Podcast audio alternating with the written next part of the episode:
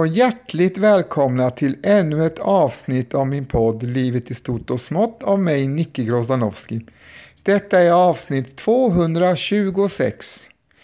I detta avsnitt ska vi fortsätta att eh, berätta om August Strindberg. I förra avsnittet fick ni veta om hans liv och biografi och i detta avsnitt ska ni få höra om hans olika verk som han gjorde. För Strindberg skrev omkring 60 dramer, 10 romaner, 10 novellsamlingar och åtminstone 8000 brev.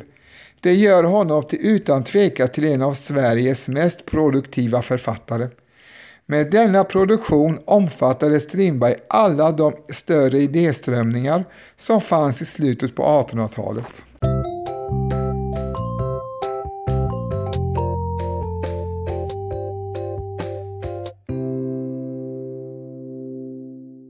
August Strindberg förnyar den svenska prosan genom att ersätta det deklamatoriska och retoriska språket i tidigare prosa med talspråk och skarpa iakttagelser direkt från vardagen.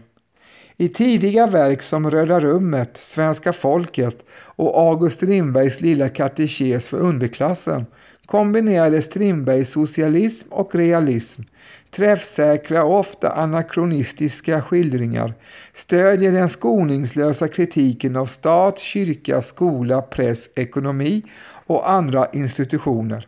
Perspektivet är ofta underklassens. Citat. Vad är ekonomi? En vetenskap uppfunnen av överklassen för att komma åt frukten av underklassens arbete. Slutcitat. Ur August Strindbergs lilla katekes för underklassen. Men solen stod över Liljeholmen och sköt hela kvastar av strålar mot öster. De gingo genom rökarna från Bergsund. De ilade fram över Riddarfjärden, klättrade upp till korset på Riddarholmskyrkan och kastades över till tyskans branta tak, lekte med vimplarna på skeppsbåtarna, illuminerade i fönstren på Stora Sjötullen, eklarerade Lidingöskogarna och tonade bort i ett rosenfärgat moln. Långt, långt ut i fjärran där havet ligger. Och därifrån kom vinden och han gjorde samma färd tillbaka genom Vaxholm, förbi fästningen, förbi Sjötunn, ut med Siklaön, gick in bakom Hästholmen och tittade på sommarnöjena.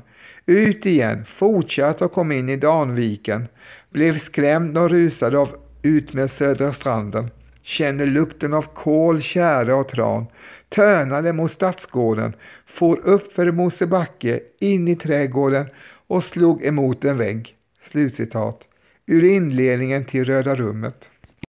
Inspirerad av Friedrich Nietzsche och Jean-Jacques Rousseau åskådliggjorde han de naturalistiska och evolutionsteoretiska idéer i till exempel novellen Odlad frukt och romanen Hemsöborna. Arv och miljö driver personerna genom handlingen mot deras naturliga öden. I samtal med Karl Strecker beskriver Strindberg 1893 hur Nietzsches influerat honom, bland annat i deras eh, brevväxling. Citat. Nietzsche ensam har funnit ord för det jag känt och tänkt under det senaste årtiondet. Slutcitat. I den historiska övermänniskoromanen Chandala utgiven på danska 1889 och på svenska 1897 hävdar han det relativa i människovärdet och de högre ståendes människornas rätt att undertrycka de lägre stående. Här har Strindberg övergivit sin socialistiska och demokratiska uppfattning. Romanen handlar om kampen mellan den lärde magister Törner och det nedlåtande ordet tattaren, Jensen, som smider ränker emot honom. Chandala är den lägsta indiska kasten och ska enligt Nietzsches ligga djupast ner och tjäna som gödsel åt ariernas adelstam. Ordet Chandala har han lånat från Friedrich Nietzsches bok Antikrist. Även tidens feminism återfinns som en tråd i hans författarskap. Han gick i polemik mot både sedlighetsvänner och som han såg det alltför radikala jämlikhetsidéer. Bland annat var han starkt kritisk till Ibsens Ett dockhem. Strindbergs relationer till kvinnor var dock allt annat än oproblematiska, vilket visade sig giftas. Kritiken mot familjen som samhällsinstitution övergår i ett uttalat kvinnoförakt. August Strindberg återupptog sin tidigare roll som samhällskritiker åren efter 1900 med romaner som Svarta fanor där han angrep sina vänner, särskilt Gustav af Geijerstam och Götiska rummen, en fortsättning på hans stora verklighetsroman Röda rummet, men ännu mera grov. Både motdebattörer, kollegor och vänner utsattes för en skoningslös satir.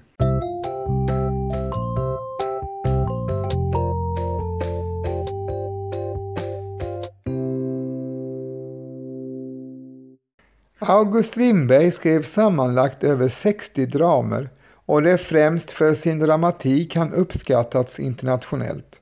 Han rörde sig inom olika dramatiska genrer men höll sig främst till tyngre dramatik medan försöken till lättsammare komedi som till exempel Leka med elden från 1892 eller Midsommar från 1900 inte alltid blev just så lättsamma som avsett.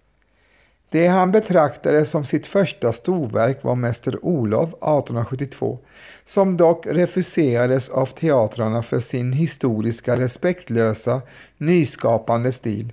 Trots att han frustrerat skrev om den till tre olika slags versioner. Då den nya Kungliga Dramatiska Teatern invigdes 1908 var dock Mäster Olof dess invigningsföreställning och August Strindberg var hedersgäst.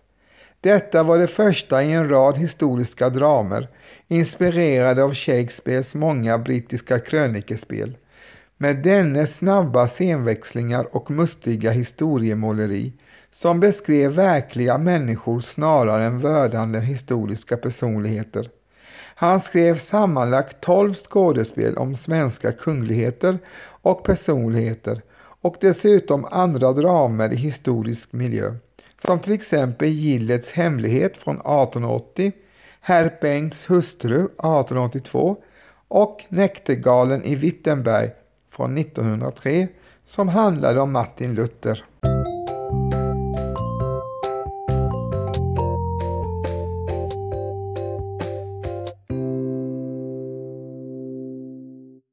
Men Strindberg blev också en banbrytare för övergången från äldre tiders stelare teaterform till en modernare teaterkonst av olika experimenterande former och lät skådespelarna använda ett naturligare talspråk. Med pjäser som Fadern 1887, Fröken Julie 1888, Fordringsägare 1888 och Paria 1889 blev han banbrytande för det naturalistiska dramat. De naturalistiska pjäserna handlade ofta om ett slags psykologiska ställningskrig som man har kallat för hjärnornas kamp. Efter krisåren på 1890-talet fick Strindbergs dramatik delvis en annan inriktning. Han hade tidigare arbetat med sagospel som stred mot realismens krav, men pjäser som Vandringsdrama till Damaskus i tre delar från 1898 till 1901 för in en helt nytt formspråk.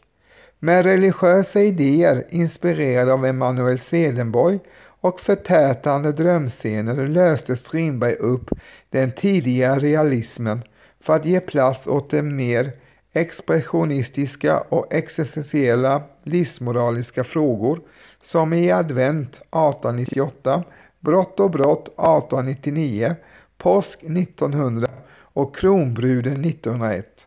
Detta blir än tydligare i ett drömspel från 1901. Citat. Tid och rum existerar icke.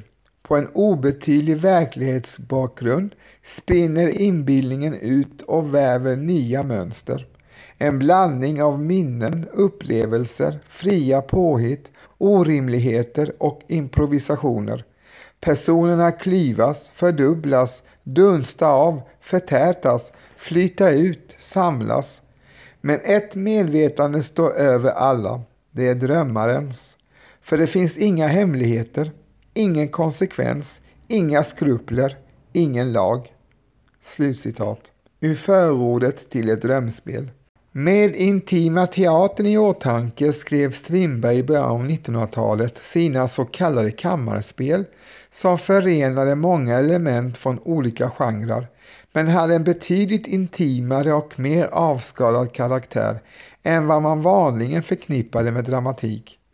Året före sin död gav den fotografiskt intresserade författaren klartecken till en första stumfilmsproduktion baserad på hans verk Fadern från 1912 av Hanna Hoffman Uddgren och Gustav Uddgren.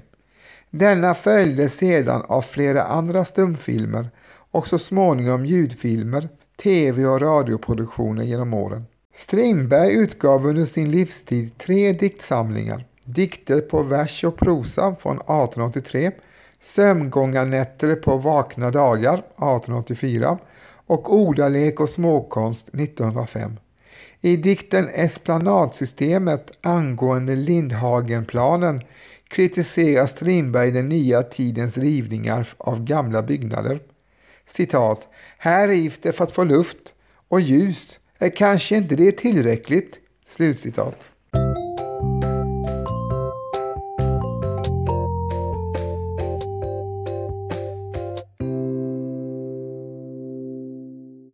Med sitt genombrott Röda rummet kritiserade Strindberg och förlöjligade samhällets olika etablerade institutioner.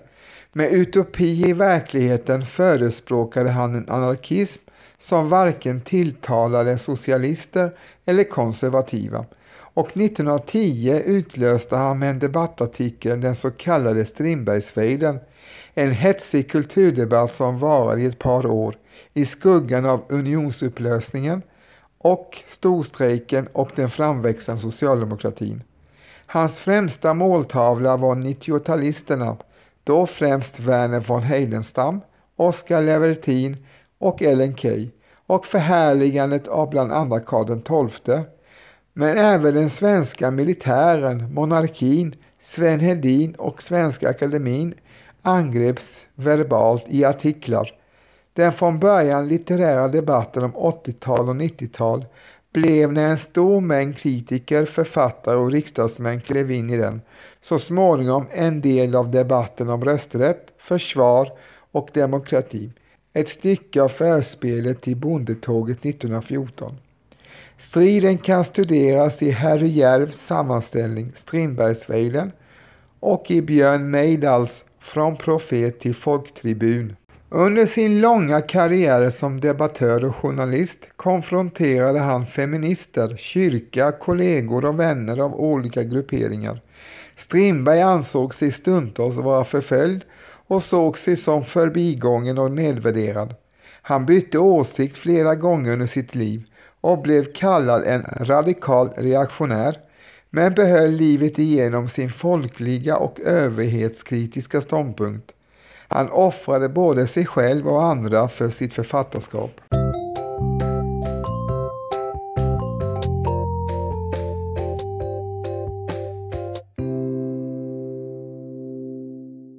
I Kvinnans rättigheter, programförklaring tryckt i förordet till boken Giftast 1884, framträdde August Strindberg som en tidig förespråkare av kvinnlig rösträtt.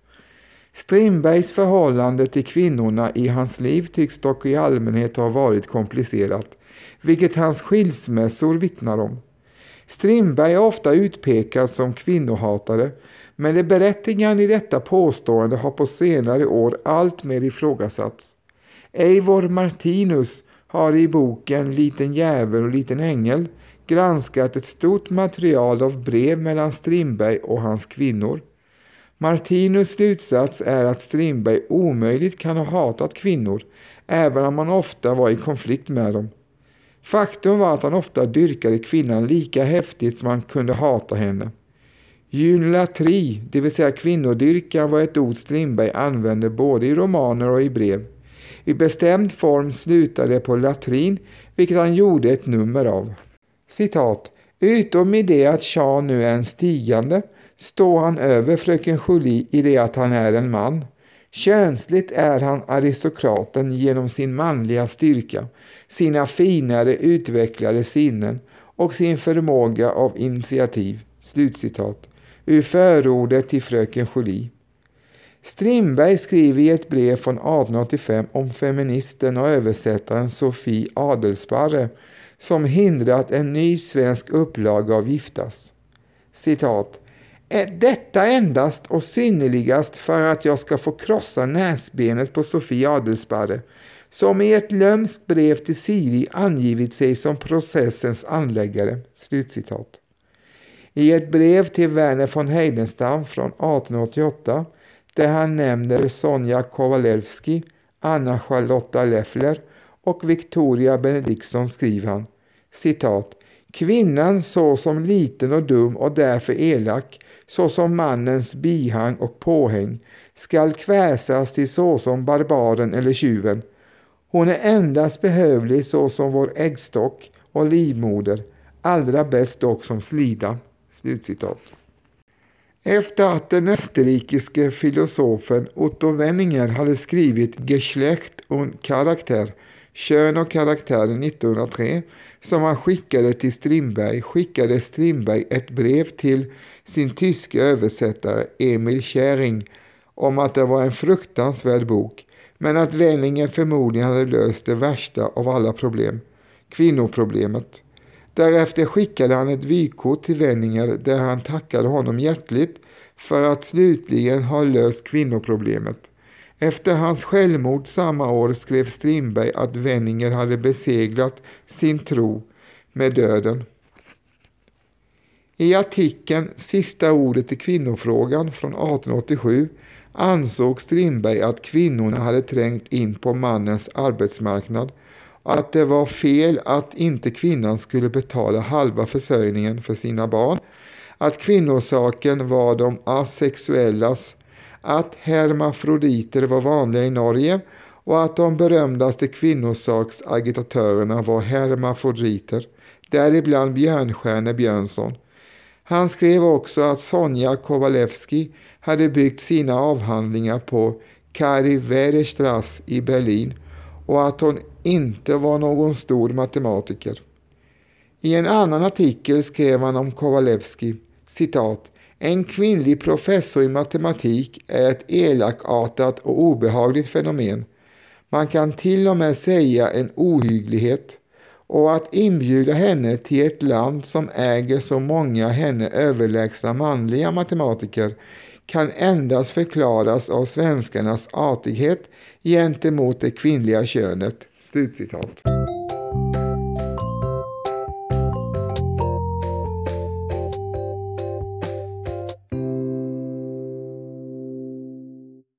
August Strindbergs förhållande till antisemitismen har varit föremål för ett antal studier. Jan Myrdal utreder frågan i sin Strindbergs monografi. Han menar att Strindberg i början på 1880-talet var Sveriges namnkunnigaste antisemit. Något som förutom i att synas i brev yttrar sig i kapitlet Judarna i Svenska folket och kapitlet Moses i det nya riket. Det är en antisemitism som grundar sig på en föreställning om judarnas ekonomiska och kulturella inflytande.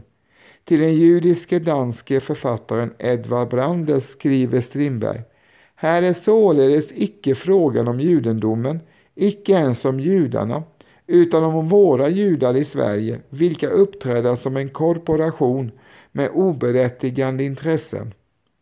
Efterhand kom dock Strindberg att svänga i frågan och 1884 tog han avstånd från sin antisemitism med artikeln Mitt judehat i den socialdemokratiska tidskriften Tiden.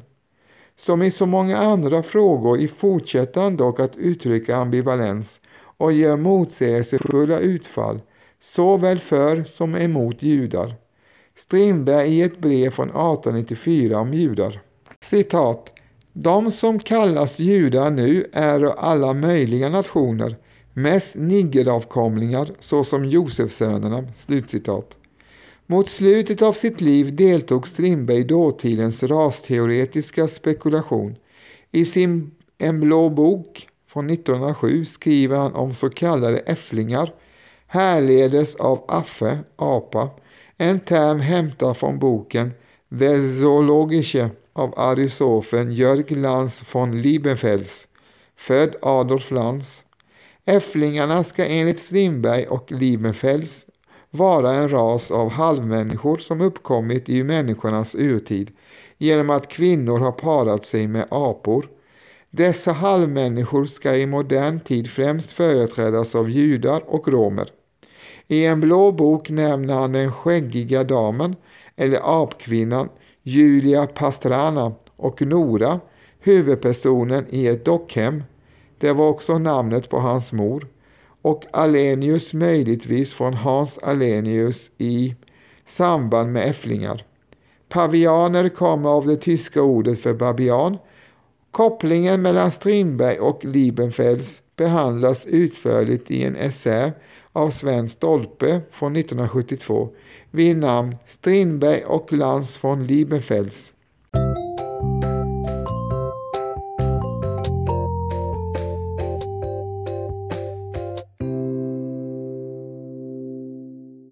August Strindberg var även verksam som bildkonstnär och även om han inte i större utsträckning uppmärksammades som målare under sin livstid tillhör Strindberg idag de relativt fåtaliga svenska målare vars objekt betingar miljonbelopp vid internationella konstaktioner. För Strindberg var konsten inte en huvudsysselsättning och han studerade aldrig måleriets teknik på konstskolor eller akademier. Även om Strindberg i det avseendet måste anses som en amatörmålare har hans egensinniga måleriska temperament under senare tid fått många att betrakta honom som en föregångsman inom expressionismen som konstform. På 1870-talet umgicks han med flera unga konstnärer såsom Carl Larsson och övriga i kolonin i franska Gruez sur Loing flera ingående i den stilförnyande gruppen Opponenterna i opposition mot Konstakademins äldre formalistiska ideal och hade då själv inlett sina första ansatser som målare. Han uppträdde även som konstkritiker och, menar konstkritikern Georg Nordensvan, uttalade som sådan sunda och beaktansvärda åsikter. Nordensvan menar att Strindbergs måleri är obehärskat och osmält men håller med konstnären Richard Berg som om Strindberg har sagt citat hur ofullgången hans konst emellanåt kan synas lever dock en rik och äkta konstnärsande däri, vilket också emellanåt skapar bestående verk, okunnigheten till trots." Slutcitat.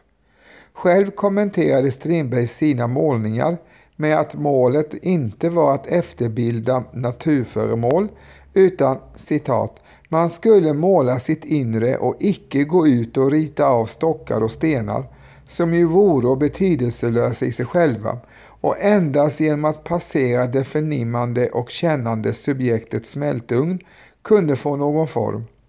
Därför studerades ej ute utan man målade hemma ur minnet och med fantasin." Slutcitat. Själv målade han alltid havet med kust i förgrunden, vresiga tallar, några nakna skär längre ut, en vitmålad båt, ett sjömärke, en prick. Luften var mest mulen med en svag eller stark ljusöppning i horisonten. Solnedgångar eller månsken. Aldrig klart dagsljus. Som han beskrev det i Tjänstekvinnans son. Då han många år senare åter började måla använde han samma metod och samma slags av motiv. Målade gärna havet i storm med sjudande vågor, skyar i uppror och bränningar som piskar mot klippstränder. Hans målningssätt förblev personligt improviserat och ska man tala om någon förebild ligger Gustave Courbet nära, vars verk han hade sett under sin första resa till Paris 1876. Man har även framhållit impressionisterna som man skrev uppskattade om på denna resa. Strindberg kastade med fart färgerna i fläckar ner på duken. Han målade sitt ständigt uppjagade temperament och hans fantasi stormade och jäste. Okänd och otyglad till en grad som inte ens den framstående landskapsmålaren Markus Larsson uppnådde.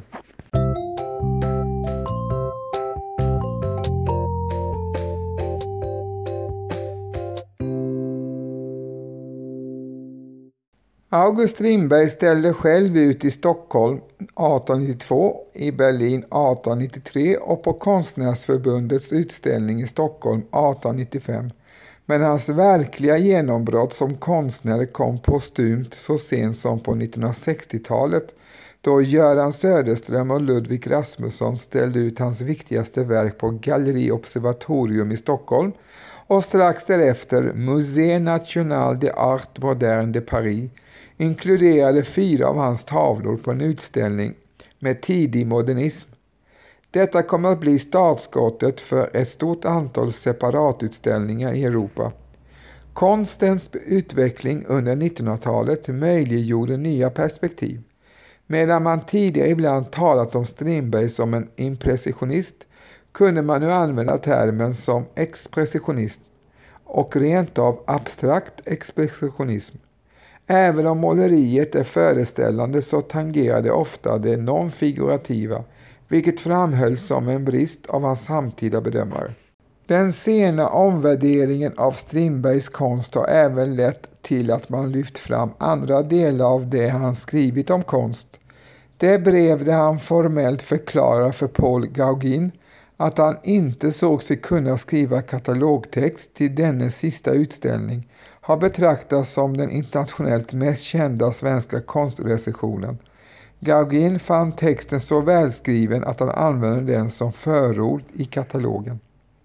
Strindberg är representerad vid bland andra Göteborgs konstmuseum, Nationalmuseum, Nordiska museet, Sven Harrys konstmuseum, Statens museum för konst i Köpenhamn och Musée d'Orsay i Frankrike.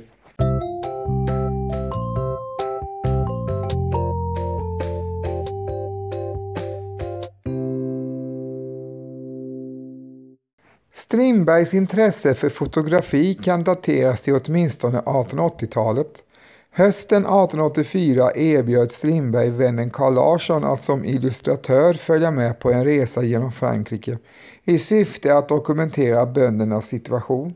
När denne avböjt fick Strindberg idén att istället använda fotografier. När resan som senare kom att resultera i reportageboken Bland franska bönder 1886 slutligen blev av följde den unge Gustav Steffen med som fotograf.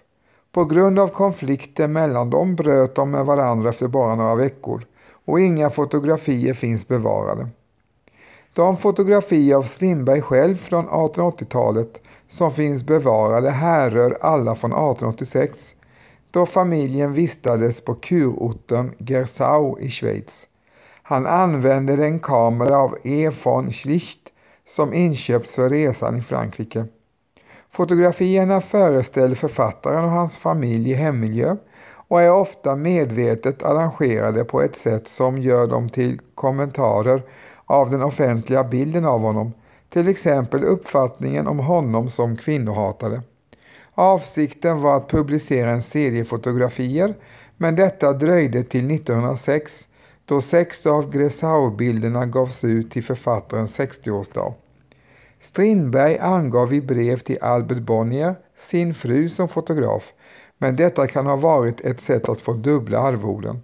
Siri anses hur som helst ha haft en hel del aktivitet i skapandet av fotografierna. På 1890-talet fick Strindbergs fotograferande en mer experimentell inriktning, vilket kan förstås utifrån hans ökande intresse för naturvetenskap och alkemi. Bland annat framkallade han diverse kemiska processer vilka synliga avtryck han kopierade över på papper, varigenom han skapade fotogram. Han fotograferade även stjärnhimlen med en kamera utan lins och ibland till och med genom att direkt exponera den fotografiska plåten för stjärnljus.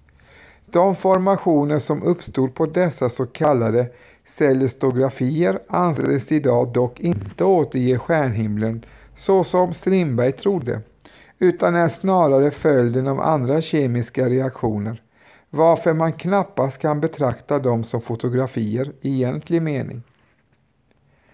Strindberg misstrodde överhuvudtaget den optiska linsen som han menade gav en förvrängd bild av verkligheten.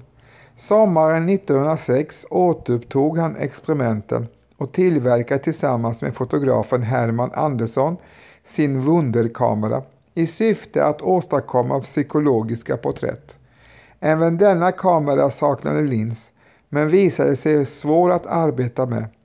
Den porträttteknik Strindberg och Andersson utvecklade kännetecknas av naturlig ljus och återgivning naturlig storlek.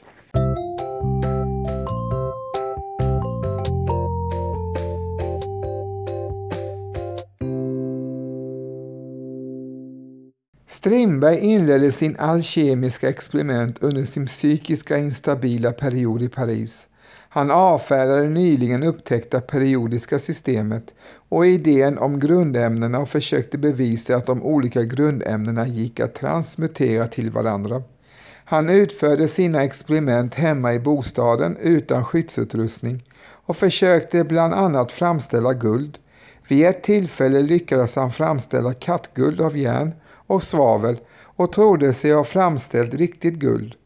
Strindberg utsatte sig själv för olika kemikalier och 1895 ledde det till en hudsjukdom som slutade med en sjukhusvistelse. Hans kemiska spekulationer avfärdades kategoriskt av en enig kemistkår, bland annat Ver Svedberg. Citat. Vad som är riktigt däri är icke nytt och vad som är nytt är icke riktigt. Slutcitat. Citat.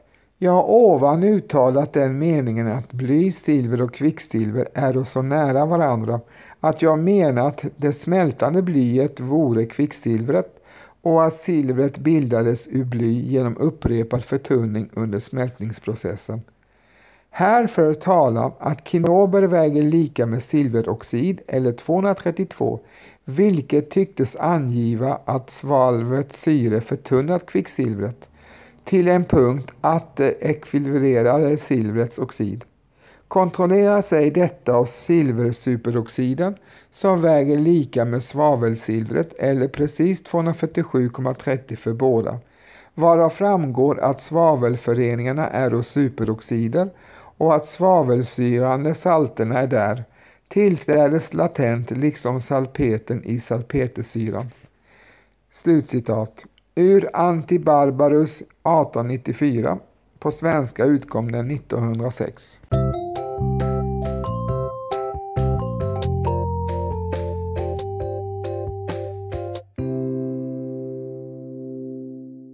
I samband med sin så kallade infernokris började Strindberg snegla på okultism och monism. Han började läsa texter av Swedenborg och tog del av Madame Blavetskys teosofi. Vid sin död 1912 hade han i sitt bibliotek en stor mängd teosofisk litteratur, bland annat Annie Besant, A.P. Sinnet, tillsammans med böcker om mytologi och religionshistoria. Under slutet av sitt liv var han synkretist och han identifierade sig med en sorts världssjäl som han menade sig stå i förbindelse med genom det undermedvetna. Dessa existentiella spekulationer märks av i hans senare produktion. Strindberg själv beskriver sin religion i den självbiografiska novellen Ensam 3 från 1903 som konfessionslös kristendom.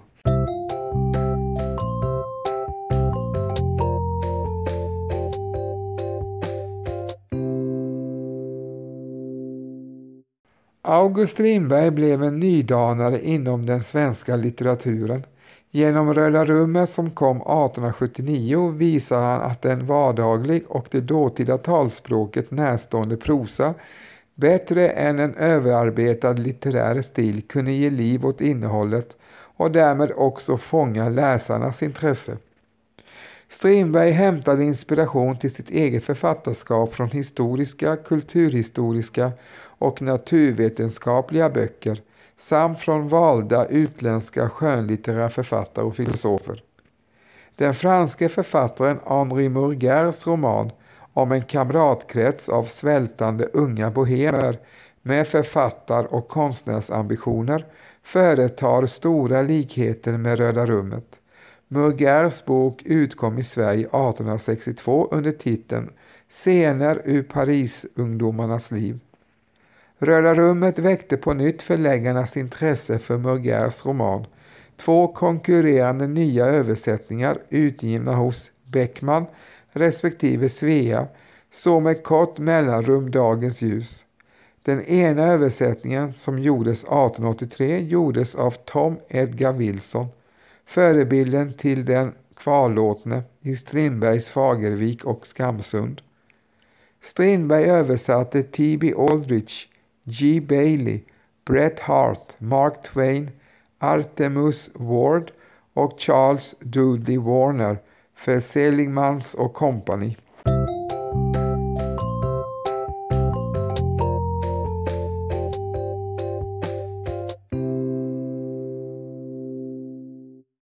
Av författare som tagit djupa intryck av August Strindberg kan särskilt nämnas Jan Myrdal.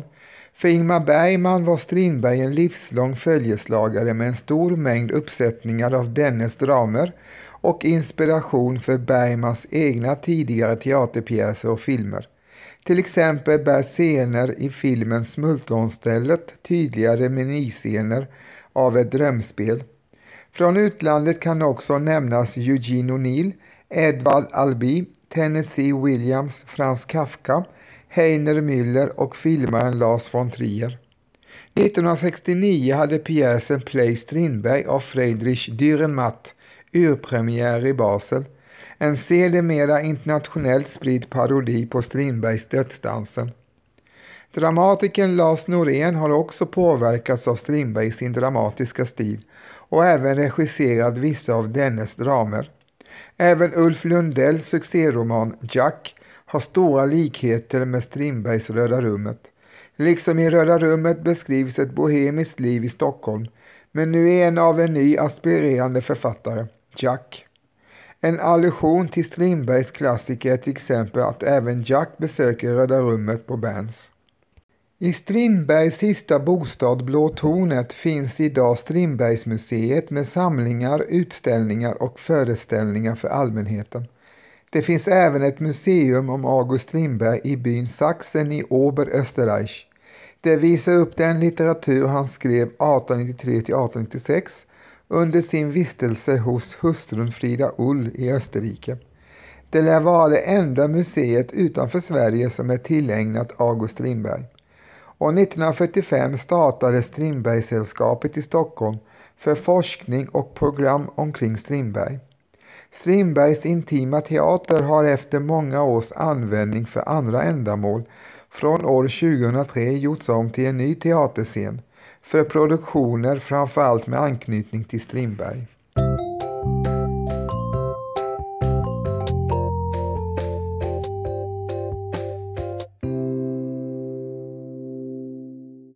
Ja, då har ni alltså fått höra del två i min miniserie om August Strindberg. Den första behandlade hans biografi och eh, det här avsnittet behandlade hans olika verk som han eh, hade inom de olika genrer han var verksam i.